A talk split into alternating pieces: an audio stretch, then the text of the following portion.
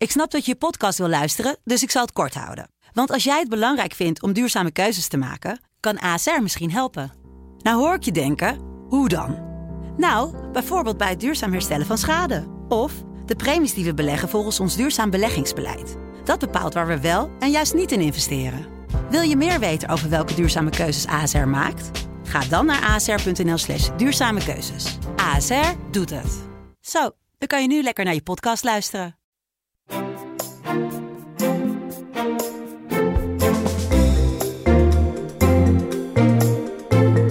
De DFT Podcast met Herman Stam en Martin Visser.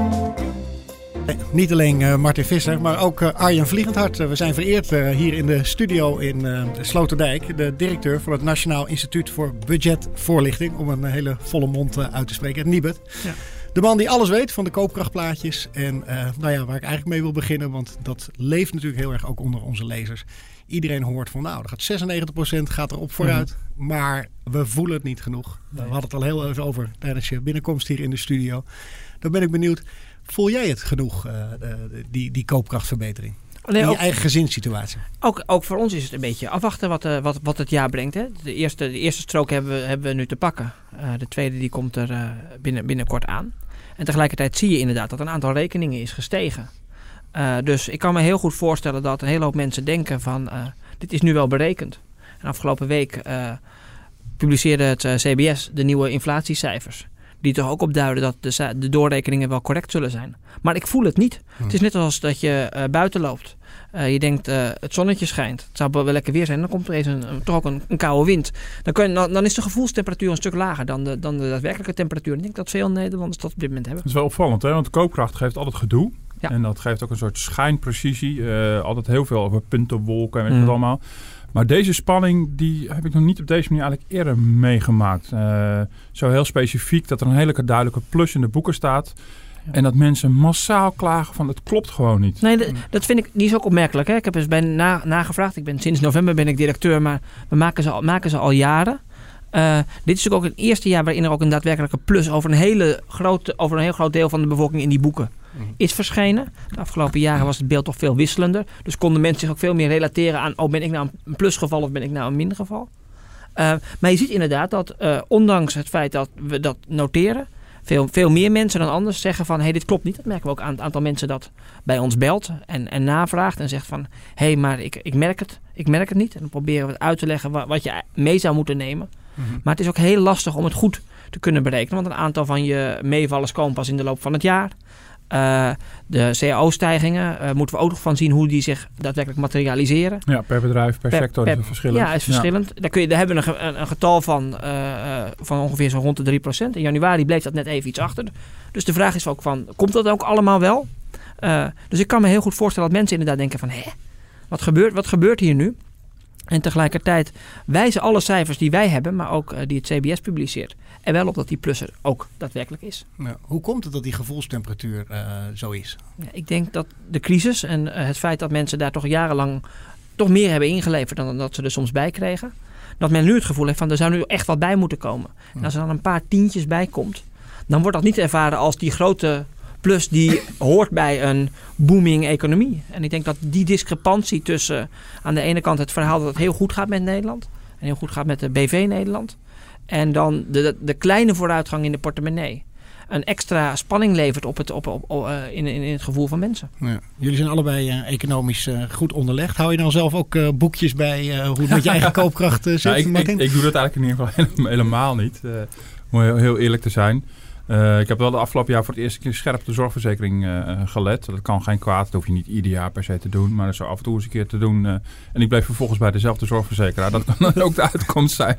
Maar nee, maar ik probeer wel in de gaten te houden. Maar meer vakmatig van, van wat gebeurt er nou precies. En we krijgen natuurlijk heel veel reacties van lezers de, de, afgelopen tijd. Dus we zitten, we zitten het allemaal niet zelf te verzinnen, die verhalen. We maken echt aan de lopende band verhalen van koopkracht. Maar ook omdat lezers daar heel veel vragen over hebben. En dan zie je ook gewoon uh, dat er gewoon reële dingen aan de hand zijn. Het is geen, uh, het is, ja, het is gevoelstemperatuur. Maar misschien is het vooral gewoon een, een soort selectieve temperatuur. Dat is heel veel aandacht voor de, voor de posten die, die duurder worden. Voor de, de, de, zorgpremie. Goed, dat gebeurt eigenlijk ieder jaar. De energienoten die dit jaar natuurlijk heel hard omhoog schiet. De btw-verhoging zien mensen natuurlijk terug. Alleen het is ook heel lastig, en dat verhaal probeer in de krant ook te vertellen. Van, ja, maar het plaatje is nog veel breder. Je moet Mhm. alles erbij betrekken. Mhm. Voor de gepensioneerden moet je ook de oudere korting erbij gaan betrekken. Die je misschien pas bij je aangifte gaat krijgen volgend jaar.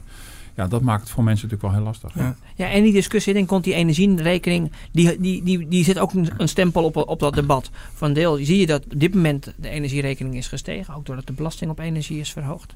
Maar men, mensen weten ook dat er nog meer aankomt. En, en dat werkt eigenlijk misschien ook wel als een schaduw vooruit op de cijfers die we op dit moment eh, eh, voelen. Mensen die hebben van ik betaal nu al meer. En ik weet eigenlijk bijkant zeker Hm. dat dat de komende jaren gaat stijgen. En wat doet dat dan met mijn, met, mijn- met mijn portemonnee? Ja. Eh, en ik denk dat, dat, dat, dat die gevoelens, die, die, die, die zijn reëel. Er zijn reële bedenkingen en, en twijfels. Eén op de vijf gezinnen in Nederland leidt nog steeds het risico op, op het hebben van een problematische schuld. Er hoeft maar iets te gebeuren. Eén hoeft een, eh, je hoeft maar je baan te verliezen of eh, in een echtscheiding te geraken en je kunt er zo inkomen. En die onzekerheid, ja, die vertaalt zich ook in eh, het moment waarop er wordt gezegd het gaat beter met uw portemonnee. Dat mensen denken, gaat dat, zou dat nou echt zo zijn? Ja. Maar, en echt zo'n klein beetje maar? Eh, dat is denk ik wel iets wat, wat, wat, wat er speelt. Ja. Zonder te veel in de portemonnee van de directeur van het Nibud te willen kijken. Maar u heeft een nieuwe functie gekregen Ja. vorig jaar. Een nieuw salaris. Hè, daarvoor eh, wethouder eh, voor de SP hier in Amsterdam. Wat valt je dan het meest op als je je eigen nou ja, koopkracht voor dit komende jaar kijkt? Van op welke posten let je dan? Want je, je bent de expert natuurlijk. En waar ik, waar ik dit jaar echt op gelet heb op de energie. Ik ben, ik ben dit ook eens een keer gaan vergelijken. Ik ben wel overgestapt. Eh, ook omdat ik graag een groene energieleverancier wilde. Dus daar, daar, daar, daar let ik op. Eh, ik heb ook nog eens gekeken naar het, naar het, naar het internet. Mhm. Eh, van wat, wat, wat, betaal je daar nou voor? Ook daar ben ik uiteindelijk overgestapt. Dus ik ben ook eens gaan kijken van... En hoe makkelijk gaat dat dan? Want eh, wij adviseren als Nibud altijd regelmatig dat mensen het moeten vergelijken. Ik vind dat je als directeur dan ook op zijn minst moet weten hoe makkelijk het dan is om over te stappen. Maar dat gaat tegenwoordig vrij, vrij eenvoudig. Er zijn nog een hoop sites die je daarbij willen, wi- willen helpen. Dus dat zijn dingen die mij, eh, die mij opvallen. Krijg je dan ook nog eh, speciale tips nu je in die nieuwe functie zit? Van hé, hey, daar kan je ook eens op letten. Omdat je natuurlijk allemaal experts ook hebt bij jullie instituut die daarop op wijzen. Ja, een eh, hoop dingen zijn vooral omdat je er veel over praat. Dat ze wat meer op, het, op de voorkant van je netvlies eh, staan. Kijk, veel mensen vinden geld toch een, eh, het uitgeven van geld vaak iets, iets moois. Maar het beheren van het geld is toch ook vaak lastig. Eh, omdat het voor een deel saai is en ook omdat je voor een deel maar het idee hebt: begrijp ik nu alles van wat er, van wat er wordt aangeboden? Dus in die zin eh, ben ik in een bevoorrechte positie. Dat je nu ook weer dingen langs ziet komen. En dat inderdaad, dus bijvoorbeeld zo'n stijging van die energierekening. je weer extra attent maakt op het feit dat je ook kunt overstappen. Ja. Eh, en dat het ook daadwerkelijk geld kan schelen op datgene wat je maandelijks moet betalen.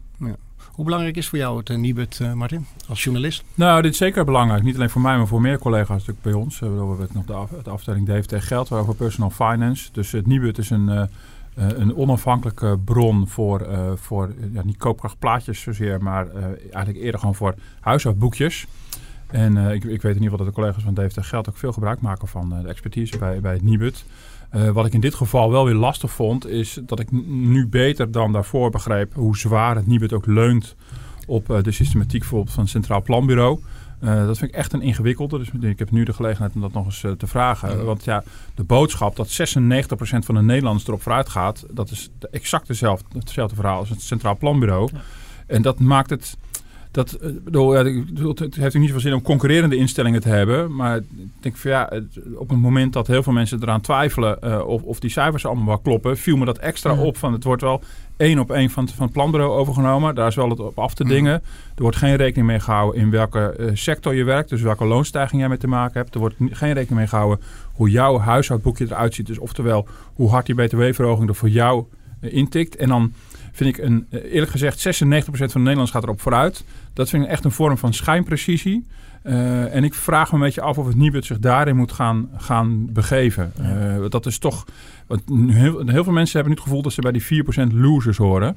Um, en ik vraag me af of je die claim van die 36% wel waar kan maken. Ja. Wat, wat we hebben gedaan, ik vind het, allemaal, het zijn allemaal reële vragen hoor, die Martin, die, die, die Martin stelt.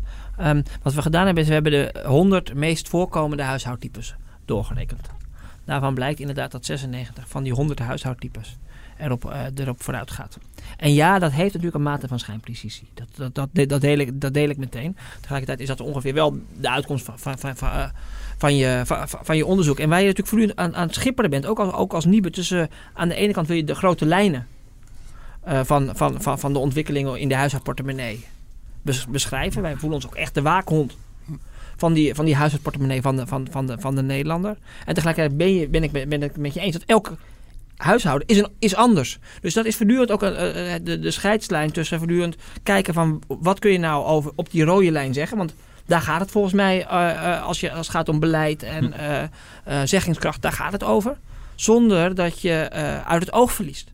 Dat voor elke huishouden het net even iets anders is. Nog even los van het feit dat je inderdaad zegt dat een aantal van de plussen veel later in het jaar zullen komen dan, dan, dan, in, dan in januari. Dus ik snap dat heel goed. Uh, ik, ik ben, ben het met je eens. Kijk, wij leunen ook op uh, andere, andere instellingen. Waarbij wij echt nog wel de vertaalslag maken van die, van die puntenwolk die het CBS maakt naar, naar huishoudens. Wij proberen echt ook te kijken van uh, wat is nou een, het gevolg voor een gezin met, met kinderen, met zo'n inkomenstype. dus daar, daar, daar, doen wij ons, ons, ons werk bij.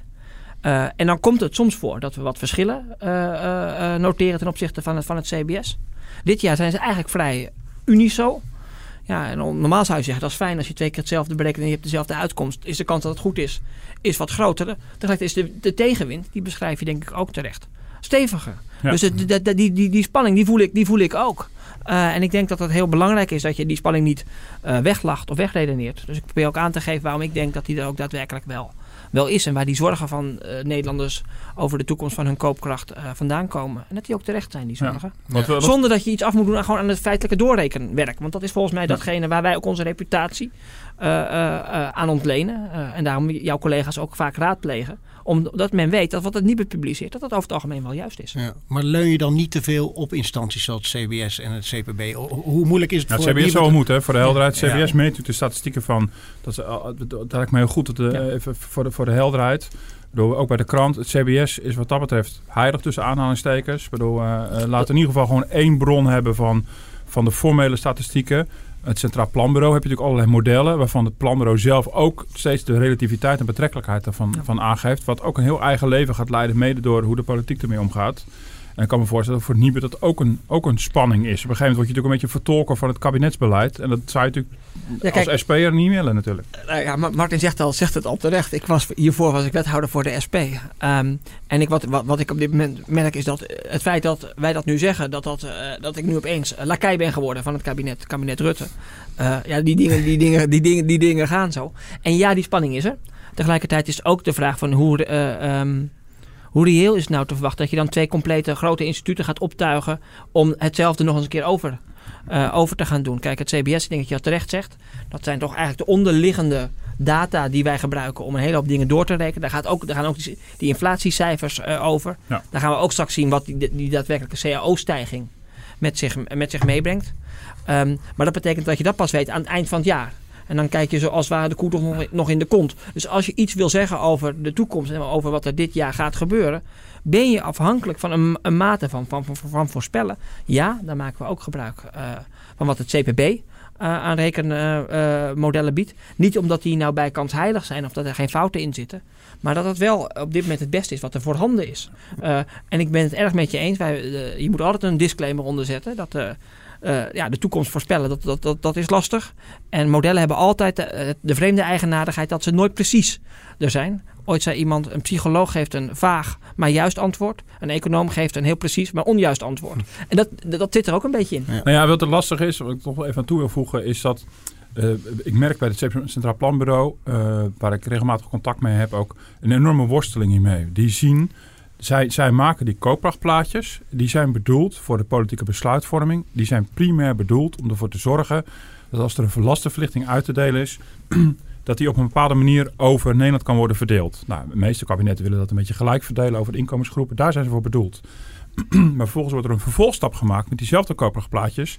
En worden ze omgezet in huishoudboekjes. Het NIBE doet dat, maar Sociale Zaken doet hetzelfde. In één en dezelfde Kamerbrief worden de loonstrookjes, wat gaat over bruto-netto traject, gekoppeld aan de koopkrachtontwikkelingen, waar veel meer bij komt kijken, namelijk ook de prijzen en, en loonontwikkeling. En, uh, en, je ziet dat het planbureau uh, eigenlijk zoiets heeft, ja, maar daar was het eigenlijk niet voor bedoeld. Maar mensen willen natuurlijk zo graag een inzicht hebben, ja, niet in een, in een vage puntenwolk, maar in hun persoonlijke financiën. En dat is echt wel de worsteling waar we nu mee zitten. En zeker op het moment dat er zoveel kritische vragen zijn uh, van onze lezers uit de samenleving. Ja, is het de vraag of, of, of die informatievoorziening niet te ver is doorgeschoten? Ehm, en dat doet de politiek vrolijk aan mee. Hè? Sociale zaken, idem dito. Volgens mij is het een wat gevaarlijk spelletje dit jaar. Want als er straks een paar tegenvallers gaan zijn dit jaar, gaat die hele prachtige belofte van Rutte en Rook op. Nee, maar dan ik, ik onderbreek je heel eventjes, want we gaan er zeker nog over door. Maar ik wil die eerst even een fragment laten luisteren. Want die, discussie gaat natuurlijk ook in Den Haag zo door tussen Wilders en uh, Rutte. Ik hoorde je net al zeggen, de lakij van het kabinet. Nou, ik wil eventjes naar dit fragment uh, samen luisteren. Het is toch niet eerlijk om de mensen met een hoog inkomen van een paar ton iets extra's te geven. Hetzelfde wat hij met die bedrijven doet, van Shell en Unilever. En de mensen die het wat moeilijker hebben omdat ze een uitkering hebben of omdat ze werken en samen net uh, aan model komen, dat u die laat bloeden. Wat is daar nou eerlijk aan? Dan kom dan niet weer met een algemeen antwoord. Wat gaat u daaraan doen? Ja, voorzitter, nogmaals. De heer Wilders vergelijkt hier appels met peren. Hij praat over Nibud-cijfers. Daar zijn allerlei zaken niet in meegenomen. Wat wij normaal hier doen in debatten over koopkracht... is ons baseren op de berekeningen van het Staal Planbureau... waar alles in zit. En dan zie je dat 96% van alle Nederlanders toch vooruit gaat. 97% van alle ouderen. En dat de gemiddelde stijging voor een huishouden 500 euro is. Geen belofte. Dit is hoe het Centraal Planbureau doorrekent wat de effecten zijn van de economie, loonstijging en lastenverlichting op de inkomens volgend jaar. Raak je dat nou nog eh, persoonlijk als de premier zoiets zegt over het Nibud? Nee, uh, maar ik weet wel dat deze uitspraak, die is bij het Nibud ook best stevig binnengekomen. We hebben nagevraagd. En uh, uiteindelijk hebben we ook een brief gekregen van, uh, van Wouter Koolmees. Kan ook niet helemaal plaatsen. Nee, maar hij, hij, was volgens mij was hij een slip of de tong. Echt een, hmm. een, een, een, een, verspreking. En, en bedoel, kijk, en dan in, in de heat of the moment. Uh, weet je, moet je een grote jongen zijn. En moet je ook kritiek. De kritiek moet je kunnen dragen, ook als, ook als, als instelling. Kijk, en ik denk ook echt dat het echt belangrijk is, inderdaad. Het gaat niet om de, om de schijnzekerheid. Het gaat om de trend. En voor het Nibud ook heel belangrijk. Handvaten bieden wat mensen heel concreet kunnen doen om hun eigen koopkracht te verbeteren. Dus als wij zien dat de energierekeningen stijgen, wordt op dit moment veel bij ons op de website gekeken naar uh, hoe kan ik nou besparen op mijn energierekening. Dat je ook handvaten biedt om ervoor te zorgen dat mensen de baas blijven over een portemonnee. En ik denk dat het belangrijkste van onze koopkrachtplaatjes is dat mensen er weer eens voor gaan zitten. Dus even denken van waar geef ik nou mijn geld aan uit en wat komt er binnen?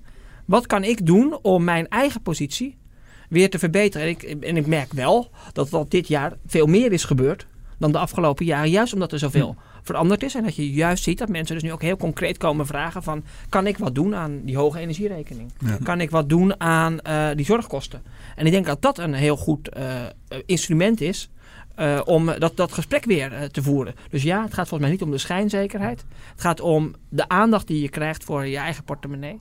En het vermogen dat mensen moeten creëren om daar ook weer grip op te hebben. Ik ben ook benieuwd wat, wat volgens jou nu de kantel ehm, punten zouden kunnen zijn dit jaar? Wat zijn de aspecten waar je zegt van daar gaan we heel precies op letten. En als dit en dit verandert, dan gaan we onze berekeningen aanpassen. Er zijn twee dingen waar, waar, waar, waar nog de grootste onzekerheid zit. Het zit hem op de inflatie. Daar zien we mhm. nu de eerste cijfers van het, CB, uh, eh, het CBS erop duiden dat dat relatief scherp uh, uh, voorspeld is. Maar dat moeten we nog maar zien. Want het zou best kunnen zijn. De eerste cijfer viel mee. Viel mee, ja. Het was 2,2. En wij, ja. wij, wij, rekenen met 2,4. Dan kan het zijn dat gedurende het jaar nog wat oploopt. Je zult zien dat sommige winkeliers nog even het doorrekenen van de BTW achterwege hebben gelaten. Maar denken, ik ga het nu toch echt doen. Ja. En het tweede wat echt is de loonontwikkeling. Hè? wat je ziet is dat er een hele hoop cao's nog moeten worden afgesloten. Wij rekenen met zo'n 3 dan zag je bijvoorbeeld bij de CAO metaal dat hij op 3,5. Uh, andere zijn weer, zijn weer wat lager. Uh, en wat wij natuurlijk ook zien is dat de rijkwijde van de cao's met een toenemende uh, deel van de bevolking die als ZZP'er aan het werk is, mm-hmm. iets minder scherp is dan dat die vroeger dan dat die vroeger was. En dat is er ook eentje waar wij nog extra nog eens keer naar, naar kijken van wat betekent nou die loonontwikkeling in den brede uh, voor, de, voor de koopkracht van mensen. Want die is natuurlijk wel meegenomen in dat, in dat plaatje. Wij proberen echt alles daarin op een goede manier te verdisconteren. Maar voor een deel is het zo. Dan doe je een voorspelling. En je moet heel scherp blijven letten op die, op die twee dingen, inflatie en loonontwikkeling. Om ook daadwerkelijk te zien of uh, die voorspellingen waarheid worden. Ja. Vinden jullie eigenlijk dat het te makkelijk door het kabinet gewezen wordt naar cao-ontwikkelingen? Dat ze eigenlijk, dit was natuurlijk een beetje zo, er kwam het over van Rutte van wacht maar op het zoet. Hè? Nou, nou zou het zoet moeten komen. Maar dan komt alweer het verhaal, ja, maar nu moet je eigenlijk wachten op je cao-verhoging. Wordt meer de bal bij de werkgevers gelegd. Nou, kijk, ik denk die cao-verhoging, dat is er eentje inderdaad die niet door het kabinet wordt gedaan. En uh, gelukkig is de, het kabinet niet als enige verantwoordelijk voor de portemonnee van, van, van mensen. Want dan zou het dan heel zuur uh, gebeuren worden als dat al, alleen maar aan de, aan de staat zou worden overgeleverd. Dus in die zin vind ik het wel reëel. Dat, uh, dat Rutte zegt van die cao, die rekening moet u, me, moet u meenemen. En wat mensen natuurlijk vaak doen is ze vergelijken december met januari. En daar zitten, dan, dan, dan zeggen ze het is maar een klein sprongetje. Terwijl je eigenlijk, als je over het hele jaar wil vergelijken, je met januari met januari begint. Ja. Uh, en, dan, en dan, zie je, dan, dan zijn de verschillen alweer wat, wat groter. Um, maar nee, het is ook zo dat inderdaad er nog veel moet gebeuren om ook daadwerkelijk die koopkrachtverbetering te realiseren. Mm -hmm. En dat is niet alleen aan het kabinet voorbehouden. Dus de beloftes, u gaat erop vooruit, zijn beloftes die het kabinet zelf niet helemaal waar kan maken. Omdat maatschappelijke partners, die ook gewoon uh, handen en voeten moeten geven in de praktijk. En de CAO-stijging is daar eigenlijk het meest concrete voorbeeld van. Maar ook de winkelier die al dan niet zijn btw-verhoging doorberekent. En er misschien nog net even iets bij doet. Uh, uh, is iets waar het kabinet natuurlijk geen grip op heeft. Ja. Martin, hoe kijk jij nou, op, zich, op zich is het natuurlijk wel logisch natuurlijk. Uh, kijk, de koopkracht is simpel gezegd de optelling van wat er met de belastingen gebeurt, wat er met de prijzen gebeurt en wat er met de lonen gebeurt. Even, mm -hmm. dat, is, dat is het complete, complete deel. Nou, de, de, het kabinet heeft natuurlijk in de hand de belastingen. Nou, dat hebben ze afgeleverd. Daar is natuurlijk duidelijk, er is een lastenverlichting uitgedeeld. De prijzen heeft het kabinet niet in de hand. Waar het niet dat ze nu de BTW hebben verhoogd en wel invloed hebben op de prijsstijging. En dan heb je natuurlijk de lonen. Daar, daar gaat het kabinet natuurlijk verder niet over. Maar het is wel zo dat het voor het complete plaatje die lonen nodig zijn. Het is niet, dus op zich is dat niet onlogisch en niet raar. Uh, behalve dat je wel, wat je natuurlijk wel merkt, is uh, die koopkrachtstijging lijkt ook heel wat na al die jaren waarin het nogal matig was. Maar je merkt dat als dat, dat ene onderdeel van die lonen gaat tegenvallen, ja, dan blijft er niet zoveel meer over. En daardoor, daardoor heb je natuurlijk het beeld dat het kabinet wel heel zwaar leunt op die CAO-partijen, wetende dat die loonontwikkeling gek genoeg heel erg achterblijft bij de, de stand van onze arbeidsmarkt. Dat is, er zijn heel veel economen nog steeds niet precies over uit. Er zijn allerlei factoren die een rol kunnen spelen, maar waar het precies komt. Dus dan is het in die zin wordt het een dure gok natuurlijk. Want stel dat dit jaar uh, de loonontwikkeling opnieuw een beetje achterblijft, ja, ja, dan heb je een probleem. Niet voor niks dat Mark Rutte zich op een gegeven moment zelf ook persoonlijk is gaan bemoeien met mm. de loonontwikkeling. heeft opgeroepen van nou, het wordt wel eens een keer tijd om te gaan betalen, te, te betalen, beste werkgevers. En dan zit je ook nog eens een keer economisch in een jaar waarin mogelijk de omslag gaat komen. We schieten vermoedelijk niet zomaar in een recessie. Dat zien we in ieder geval niet aankomen. Maar een afkoeling van de economie zit er wel in. Dat is allemaal net even een tandje minder. Mm -hmm. ja, dat kan voor bedrijven reden zijn. Zeggen van nou, we moeten nou uitgerekend dit jaar die hogere lonen gaan betalen. Dat, dat zou wel een hele zure samenkomst van omstandigheden ja, worden. Kijk, en wat je natuurlijk ook ziet is dat de internationale omgeving op dit moment ook redelijk instabiel is. We hebben de brexit die eraan komt waarvan niemand nog weet wat die nou daadwerkelijk gaat betekenen. Ook die zal impact hebben op, de, op het economische groeicijfer wat Nederland dit jaar zal, zal laten zien. Wat opviel is dat Nederland het afgelopen jaar het beter deed dan de omliggende landen. Nadat ze het een aantal jaren in de crisis ook weer wat minder deed dan, dan de omliggende landen. Uh, maar die zorg uh, over de toekomst van de economie, die, die, die voelen uh, ja. Nederlanders natuurlijk ook heel erg. en die hebben ook misschien wat idee van misschien zijn die vette jaren nu alweer bijna voorbij zonder dat ik het in mijn portemonnee ja. heb gevoeld. Ja. en, dat, en dat leidt tot onzekerheid. En ik voel wel een beetje aan, ik weet niet of ik dat, of ik dat de juiste zie, dat stel dat de cijfers worden bijgesteld. Of stel dat jullie me gaan zeggen, nou we komen met nieuwe berekeningen. Ja, dan is de kans groot dat die omlaag wordt bijgesteld. Dat, dat ze omhoog worden bijgesteld zit er niet echt in, geloof ik. Ligt er, ligt er een beetje aan. Uh, uh, collega Bouwman uh, zei dat wij nog wel erg prudent waren. Hm. Onlangs op Twitter. Anderen zeggen dat we het schromelijk hebben overschat. Dus ook daar zie je dat economen, zeg je twee economen in een kamer, heb je drie meningen. um, dus dat is een beetje zoeken. wij hebben geprobeerd op, op, op, op, op, op basis van de feiten die we nu hebben de beste schatting te maken. Um, ik ben het wel met je eens. Ik verwacht dat de, de inflatie niet uh, echt nog gaat dalen onder datgene wat wij hebben, waar we mee hebben berekend. En dat die cao-stijging, waarvan inderdaad de vraag de afgelopen jaren was: van waarom komt die nou niet? Uh, terwijl het economisch zo goed gaat. Dat dat een grotere onzekerheid is dan die inflatie. Ja, en als je dan die ladingen telefoontjes krijgt van bezorgde mensen. Uh, zijn er momenten geweest dat jullie dachten van... Hmm, hebben we het allemaal goed op een rijtje gezet? Hebben we echt, echt in kaart met die 100 huishoudens hoe het echt zit? Ik kan me voorstellen Natuurlijk. ook, ook natuurlijk. twijfelen. Natuurlijk. Uh, als, er, als, het, als er 200 mensen bellen met, uh, met de opmerking... Uh, u, u, u heeft het niet goed gezien. Dan, dan, dan ga je twijfelen. Je zou wel een soort Oost-Indisch doof moeten zijn... om te denken, er is hier niks aan de hand... en wij gaan vrolijk verder op het traject dat we hebben afgesproken. Dus we hebben het nog eens een keer echt goed tegen het licht gehouden. En, en, opnieuw kwam dat, kwam, dat, kwam dat eruit. Ik weet ook dat de mensen die zich herkennen in de koopkrachtplaatjes niet degene zijn die bellen. Nee, dat is waar. Dus dat, daar zit ook, een, ja. die discrepantie is er is natuurlijk. niet helemaal representatief. is niet helemaal nee. representatief. Nee. Maar het is wel degelijk voor ons ook weer een signaal om toch scherp te blijven op doen we nou het goede en doen we dat ook op een goede manier. Uh, en uh, daarom letten we dit jaar extra op. En proberen we ook een aantal keren in het jaar nog eens even de pijlstok erin te steken van komt er nu ook daadwerkelijk uit wat wij hebben uh, opgeschreven. Hoe kan je die groepen verdelen die bij jullie eh, bellen? Zijn het veel gepensioneerden bijvoorbeeld die zich op dit moment eh, zorgen maken? Ja, dus, ja veel, veel gepensioneerden uh, bellen. Hm. dat is eigenlijk een van de, de, meeste, de meeste vragen, zeker omtrent die, om, omtrent die, omtrent die koopkracht. Ook voor ZZP'ers. die zich afvragen van, ja, er staat wel een cao-stijging in, maar ik moet mijn eigen tarieven bepalen. En ik kan helemaal niet meer vragen, want dan krijg, krijg, krijg, krijg ik geen opdrachten. dus die, die, die bellen. Maar we hebben heel breed hoor. Uh, we hebben ook mensen die bellen niet voor de koopkracht, maar die, uh, die zijn gaan scheiden. Die vragen wat zijn de regels omtrent alimentatie. Mhm. Dat is bijvoorbeeld een uh, groep. Is, is dat eigenlijk kosteloos allemaal, dat soort advies? Hoe gaat? Ja, we, mensen die ons bellen mhm. of die contact met ons opnemen via de site. Daar vinden ze ook al vaak heel veel informatie. Die proberen wij inderdaad gewoon binnen het redelijke van wat mensen kunnen vragen. Dus Mhm. niet geven ons nou een heel gedetailleerd advies, maar binnen het redelijke wat mensen vragen. Ook een goed antwoord te geven zodat ze ook daadwerkelijk ook grip houden op hun eigen portemonnee. Ja, wij zijn een voorlichtingsinstituut. Mhm. En in die zin hebben we ook echt een publieke, een publieke functie. Uh, en we hebben ook mensen die daar gewoon uh, aan de telefoon zitten om, om het op te nemen. En ook daadwerkelijk mensen van antwoord te voorzien. En als de vraag net even te moeilijk is, en een van onze experts te vragen van... kunt u deze meneer of mevrouw antwoord geven? Ja. We hadden het al even over die gepensioneerden. Ik wilde graag even een fragment laten luisteren over mensen die zich zorgen maken over de koopkracht. Ik moet gewoon boven de streep uitkomen. En als het lukt ietsje sparen, nou dat lukt heel moeilijk. Het is wel wat ik zeg, harken. Voordat ze boodschappen doen, struinen ze eerst alle aanbiedingen af. René en Anja zijn niet de enigen die iets merken van de prijsstijging. Hij haalt één keer in de week zeg maar, een vast lijstje boodschappen. Dus dan kan je het heel makkelijk zien dat je gewoon wat meer betaalt. Het is uh, onevenredig hoger geworden. Ik heb wel het idee dat het wat duurder wordt. Maar uh, vooral de groenten. De regering heeft gezegd dat we gaan met z'n allen met uh, omhoog, maar uh, daar klopt geen bal van hoor. Dat, uh, dat heb ik wel in de gaten. Nou, je houdt steeds minder over natuurlijk. Je moet toch meer gaan puzzelen.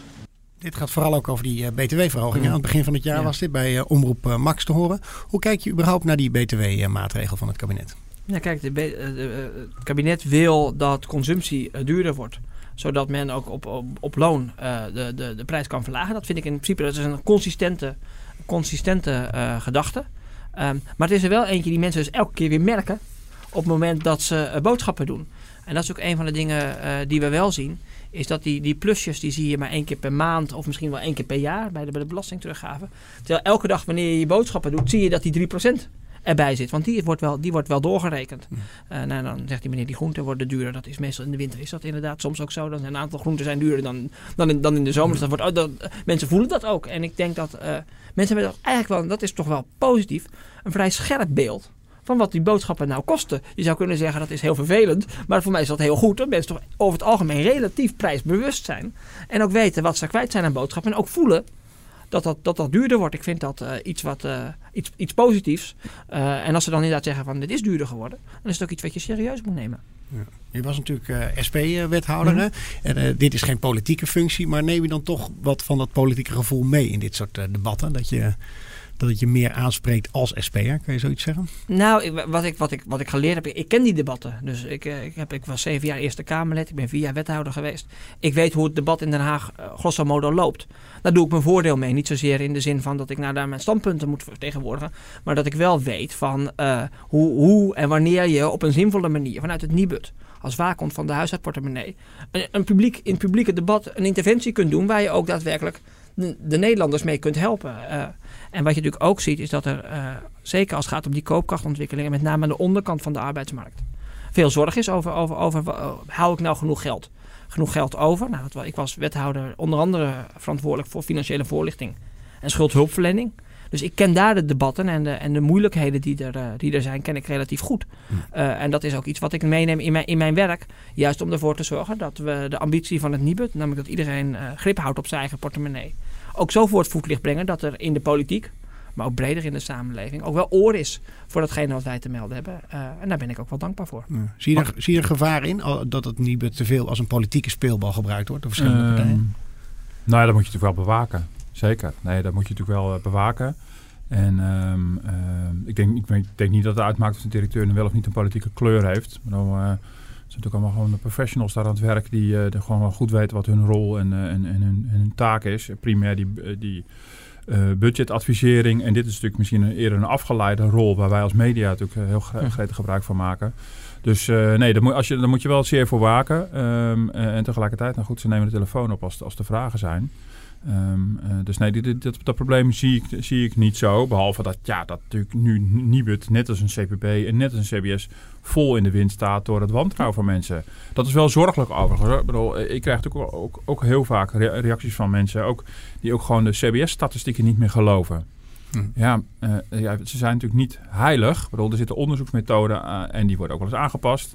Maar ik denk, ja, als we zover komen dat we niet met elkaar meer uit kunnen gaan van, van hetzelfde basismateriaal en statistieken, dat zou wel echt wel heel zorgelijk zijn. Dus in die zin heeft deze discussie over de koopkracht ook dat bijeffect. Uh, en je mag toch hopen dat, dat de, ja, de, de status van zulke instellingen niet verder wordt aangetast door deze politieke dus, uh, discussie. Ja, je zag onlangs hè, van de onderzoeker Rutger van der Noord, volgens mij. Uh, die, ja. de, de, de, kun je daar eens op reageren? Want er is ook wat debat over geweest op Twitter. Nou ja, wat je natuurlijk zag, Rutger van der Noord twijfelde aan de berekeningen die het Nibud had gemaakt. Ja, die zei even voor de hele tijd die zei dat maar 50% erop vooruit zou gaan. Ja, en die, die, die, ja, en hij had zijn eigen berekeningen gemaakt. Uh, met, met zijn eigen cijfers. En mogen we jullie langskomen daarmee? Ja, want wat, wij proberen echt een open en transparante organisatie te zijn. Dus toen wij dat op Twitter zagen, dat hij uh, zei van dit klopt allemaal niet. Hebben hem uitgenodigd. Uh, onder het motto, we komen jou uitleggen van hoe wij dat doen. En, uh, ook omdat we inderdaad weten, het is niet heilig wat, wat, we doen. Maar we doen het wel op een betrouwbare, transparante en zo objectief mogelijke manier. ik was heel blij dat, dat Rutger kwam kijken en ook vaststelde dat er van complotten, want daar hoor je natuurlijk ook heel veel over, van complotten helemaal geen, geen, geen sprake is. Dat er bij het Nibud inderdaad consistent en nauwgezet wordt gewerkt. En dat je natuurlijk over de cijfers en over de manier waarop je berekent uh, kunt discussiëren. Hij vond ons inderdaad uh, te positief over de koopkrachtontwikkeling. Ik zei net al. Uh, de econoom Bouwman vond ons weer wat prudent. Dus zo zul je zien dat we deel zijn van het maatschappelijk debat. Dat vind ik helemaal niet zo problematisch. Wat Martin denk ik wel terecht omschrijft, is dat de instituten in onze samenleving over het algemeen meer in de wind zijn komen te staan de afgelopen tijd. En dat heeft te maken met eh, de individualisering voor een deel. Misschien ook wel de opkomst van social media, waarin iedereen makkelijker een oordeel kan, uh, kan vormen over datgene wat er gebeurt. Dat die instituties ook wel daarmee moeten omgaan. Uh, en dat dat eigenlijk niet kan dat je zegt van ik heb gelijk. en het is zoals, zoals ik het zeg. Maar dat dat ook van ons vraagt dat we open en transparant zijn. En daarom vond ik het ook niet meer dan logisch dat toen Rutger van Noord op, op Twitter en, op, de, en op, op het internet zei van er klopt iets niet.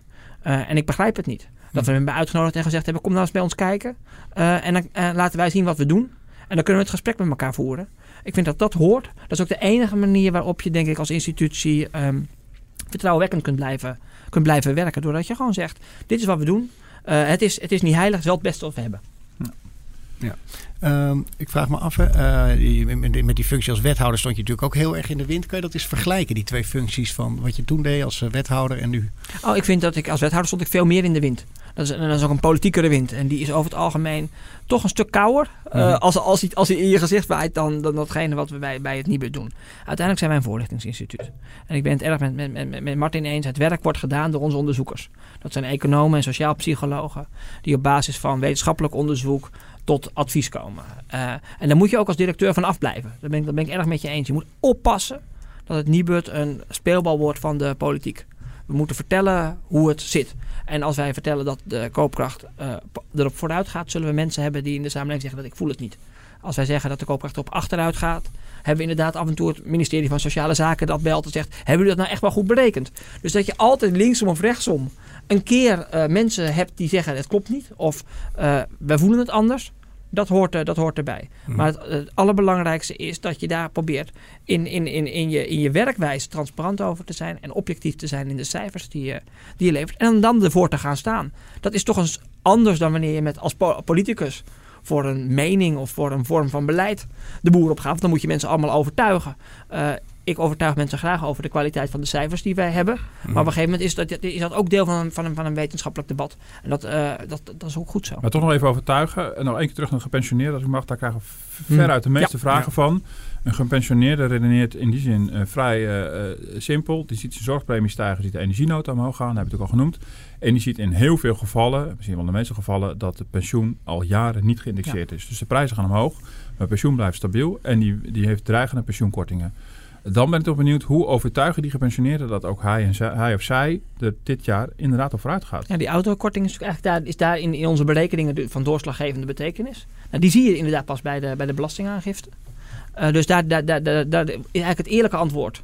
U zult nog even moeten wachten voordat u het ook daadwerkelijk zult gaan, eh, zult gaan merken. Want inderdaad, eh, ik vraag ook gewoon rond. Eh, ik bel mijn ouders, die, hebben, die zijn in de pensioengerechtigde leeftijd. Hoe zit het? Nou, mijn moeder inderdaad niks bij het pensioen erbij. Mijn vader een, miniem bedragje de, erbij. De AOW iets, iets, iets, iets, iets toegenomen. ze bij jou klagen dan ook? nee. Nou, mijn, mijn, nou, mijn moeder, die, die, dat is misschien wel eh, stereotyp, maar die doet daar de, de, de huishoudfinanciën. Die zei wel toen wij dat berekenen van, Arjan, ehm, ik moet ook nog maar zien of het waar is. Eh, en of die berekeningen die jullie hebben gemaakt eh, kloppen. Eh, toen heb ik, met haar ben ik ook doorgegaan. En, en dan zie je ook die autokorting is er echt eentje die, die nog moet komen. En die mensen dan pas ook daadwerkelijk registreren. Want de uitgaven, Ja. de kosten gaan hier echt een heel stuk voor de baten. Maar de vraag, de vraag is toch een beetje of de politiek het dan, het kabinet het dan slim gedaan heeft. Hè? Ik bedoel, kijk, de- het kabinet draait ook aan al die knoppen en die maakt op een gegeven moment een, een, een, een, een koopkrachtbeeld waarbij de, de, alles een beetje evenwichtig is verdeeld. Maar hij heeft misschien ook wel een rol om ervoor te zorgen eh, dat dat land in de samenleving. Dus, sterker nog, dit kabinet heeft zichzelf voorgenomen en belooft in het regeerakkoord dat iedereen gaat merken en gaat voelen. Het lijkt wel of, of het technisch klopt, maar het kabinet niet heeft kunnen uitvinden hoe je ook zorgt dat mensen ervan overtuigd zijn dat het ook echt zo is. Ja, ik denk dat het erg te maken heeft, je zei het zelf ook al, van hoe het de afgelopen jaren is, is, is gebeurd. Dat inderdaad de koopkracht van mensen niet, er niet op vooruit is gegaan. In de crisis niet, maar ook niet toen we uit, uit de crisis kwamen. Dat eigenlijk die, die, maar mondjesmaat er, er is. En daar is denk ik een hele hoop vertrouwen te paard gegaan, wat nu te voet weer, eh, eh, te voet weer terug moet komen. En als je dan inderdaad zegt van de prijzen stijgen in januari, maar pas bij de belastingaangifte. Volgend jaar april. Volgend, volgend jaar april Ja. krijgt u het geld terug. Eh, dat mensen dan denken, ja wacht even, eh, dat is nog wel zo ver weg. Eh, dat geloof ik niet, maar dat ik nu moet betalen, dat zie ik. Dus daar zit natuurlijk echt, daar zit, daar zit, daar zit een spanning. En dat is inderdaad, doen we er goed aan. Niet alleen het Nibud, want we, proberen het ook met AA, dat te, beschrijven. Van, u merkt er echt heel weinig van op dit moment. En ook vanuit de regering. Niet te veel het Hosanna-verhaal te vertellen. Op het moment dat de kosten nu al vallen en de baten in de toekomst komen. Ja, Ehm, je viert volgens mij ook nog een 40-jarig eh, jubileum. hè? Eh, eh, Even qua de ambities voor de komende. Je gaat dit een aantal jaren doen. Heb je daarna weer iets van ik wil dan terug in de politiek? Oh nee, dat, ik heb nu, dit, ga ik nu een aantal jaar doen. Dat is, eh, en ik heb Net begonnen. Net begonnen. ik ben drie, drie maanden bezig en ik heb ook geleerd dat je dat niet te ver, niet te ver, niet te ver vooruit kijkt. Nee, we, we staan dit jaar 40 jaar. We hebben een jubileumcongres op, eh, op 18, a- 18 april. En ik heb ook wel een aantal thema's waar ik de komende jaren vanuit het Nibud extra zorg en aandacht voor wil hebben. Inderdaad, die energietransitie en wat dat nou betekent voor de koopkracht van, eh, van, verschillende, van, van, van de Nederlander. En hoe je dat op een goede manier ook kunt meten. Dat is denk ik een belangrijke uitdaging.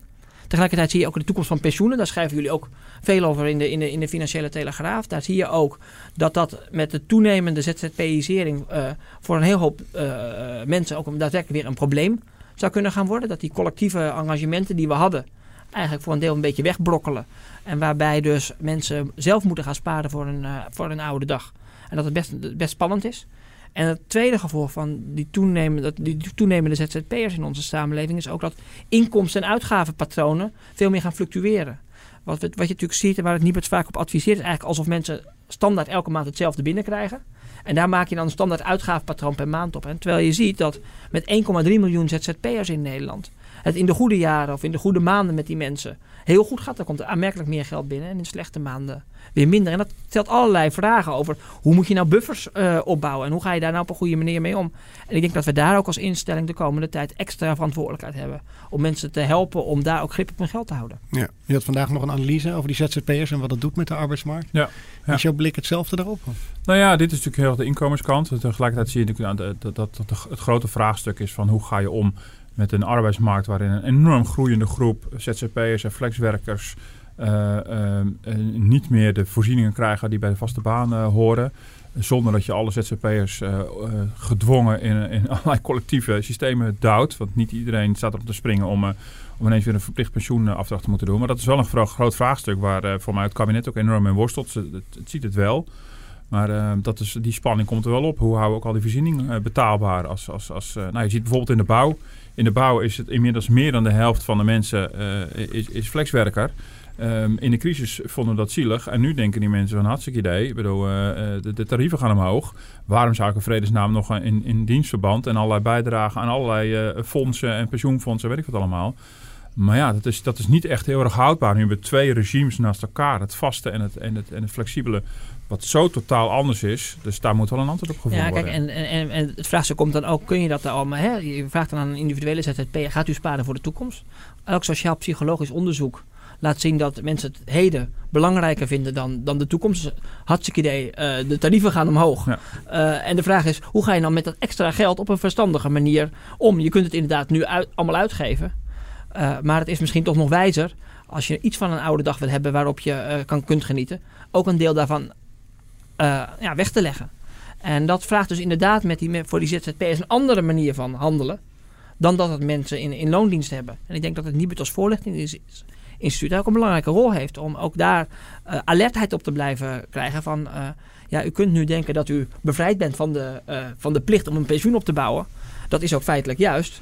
Maar het is iets andere vraag is of het verstandig is om helemaal niks te sparen voor later. En ik denk dat dat ook wel een vraagstuk is dat straks niet alleen maatschappelijk, maar als die niet opgelost wordt, ook politiek natuurlijk terugkomt op het moment dat ouderdom en armoede weer meer met elkaar gekoppeld gaan worden dan dat het nu zo is. Omdat we toch een stelsel hebben waar we met alle gebreken die er, eh, die er zijn, toch nog wel tot de betere van deze wereld behoren. Ja.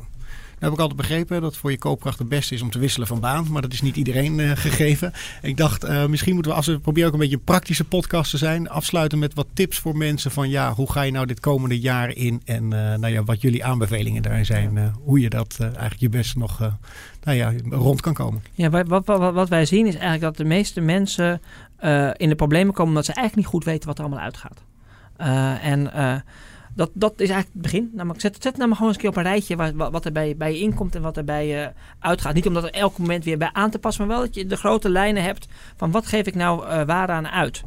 Uh, en dan zijn er een aantal mogelijkheden om te besparen. Uh, en dat zit er met name in, in, in de energie.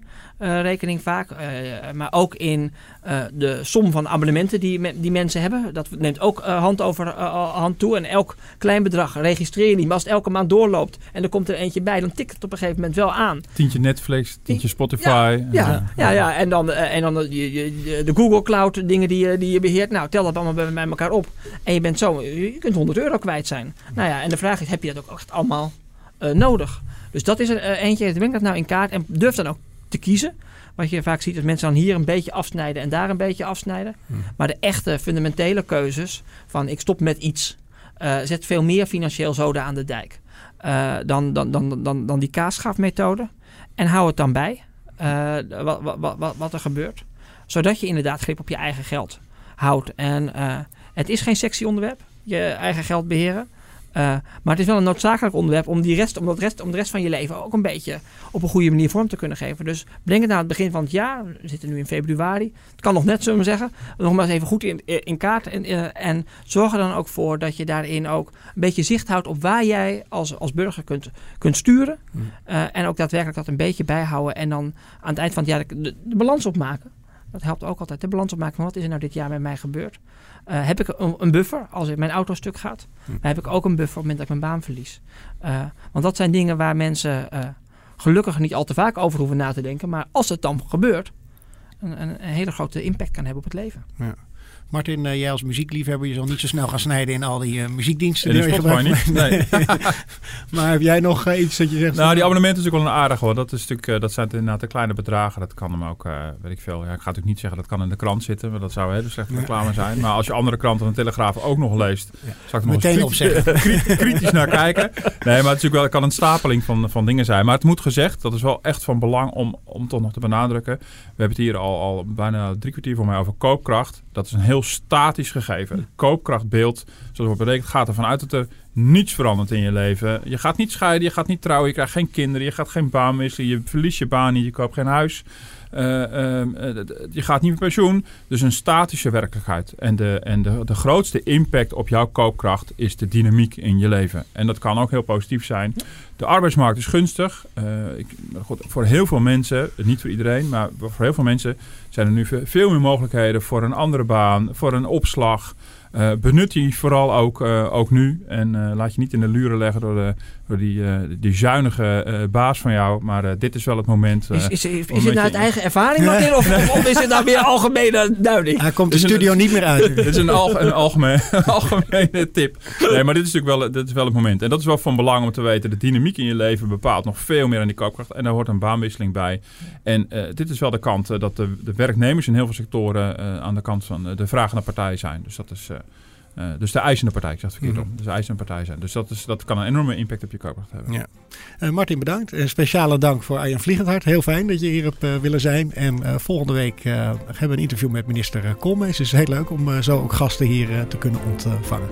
Het was leuk hier te mogen zijn. Dankjewel. Dank, bedankt voor het luisteren.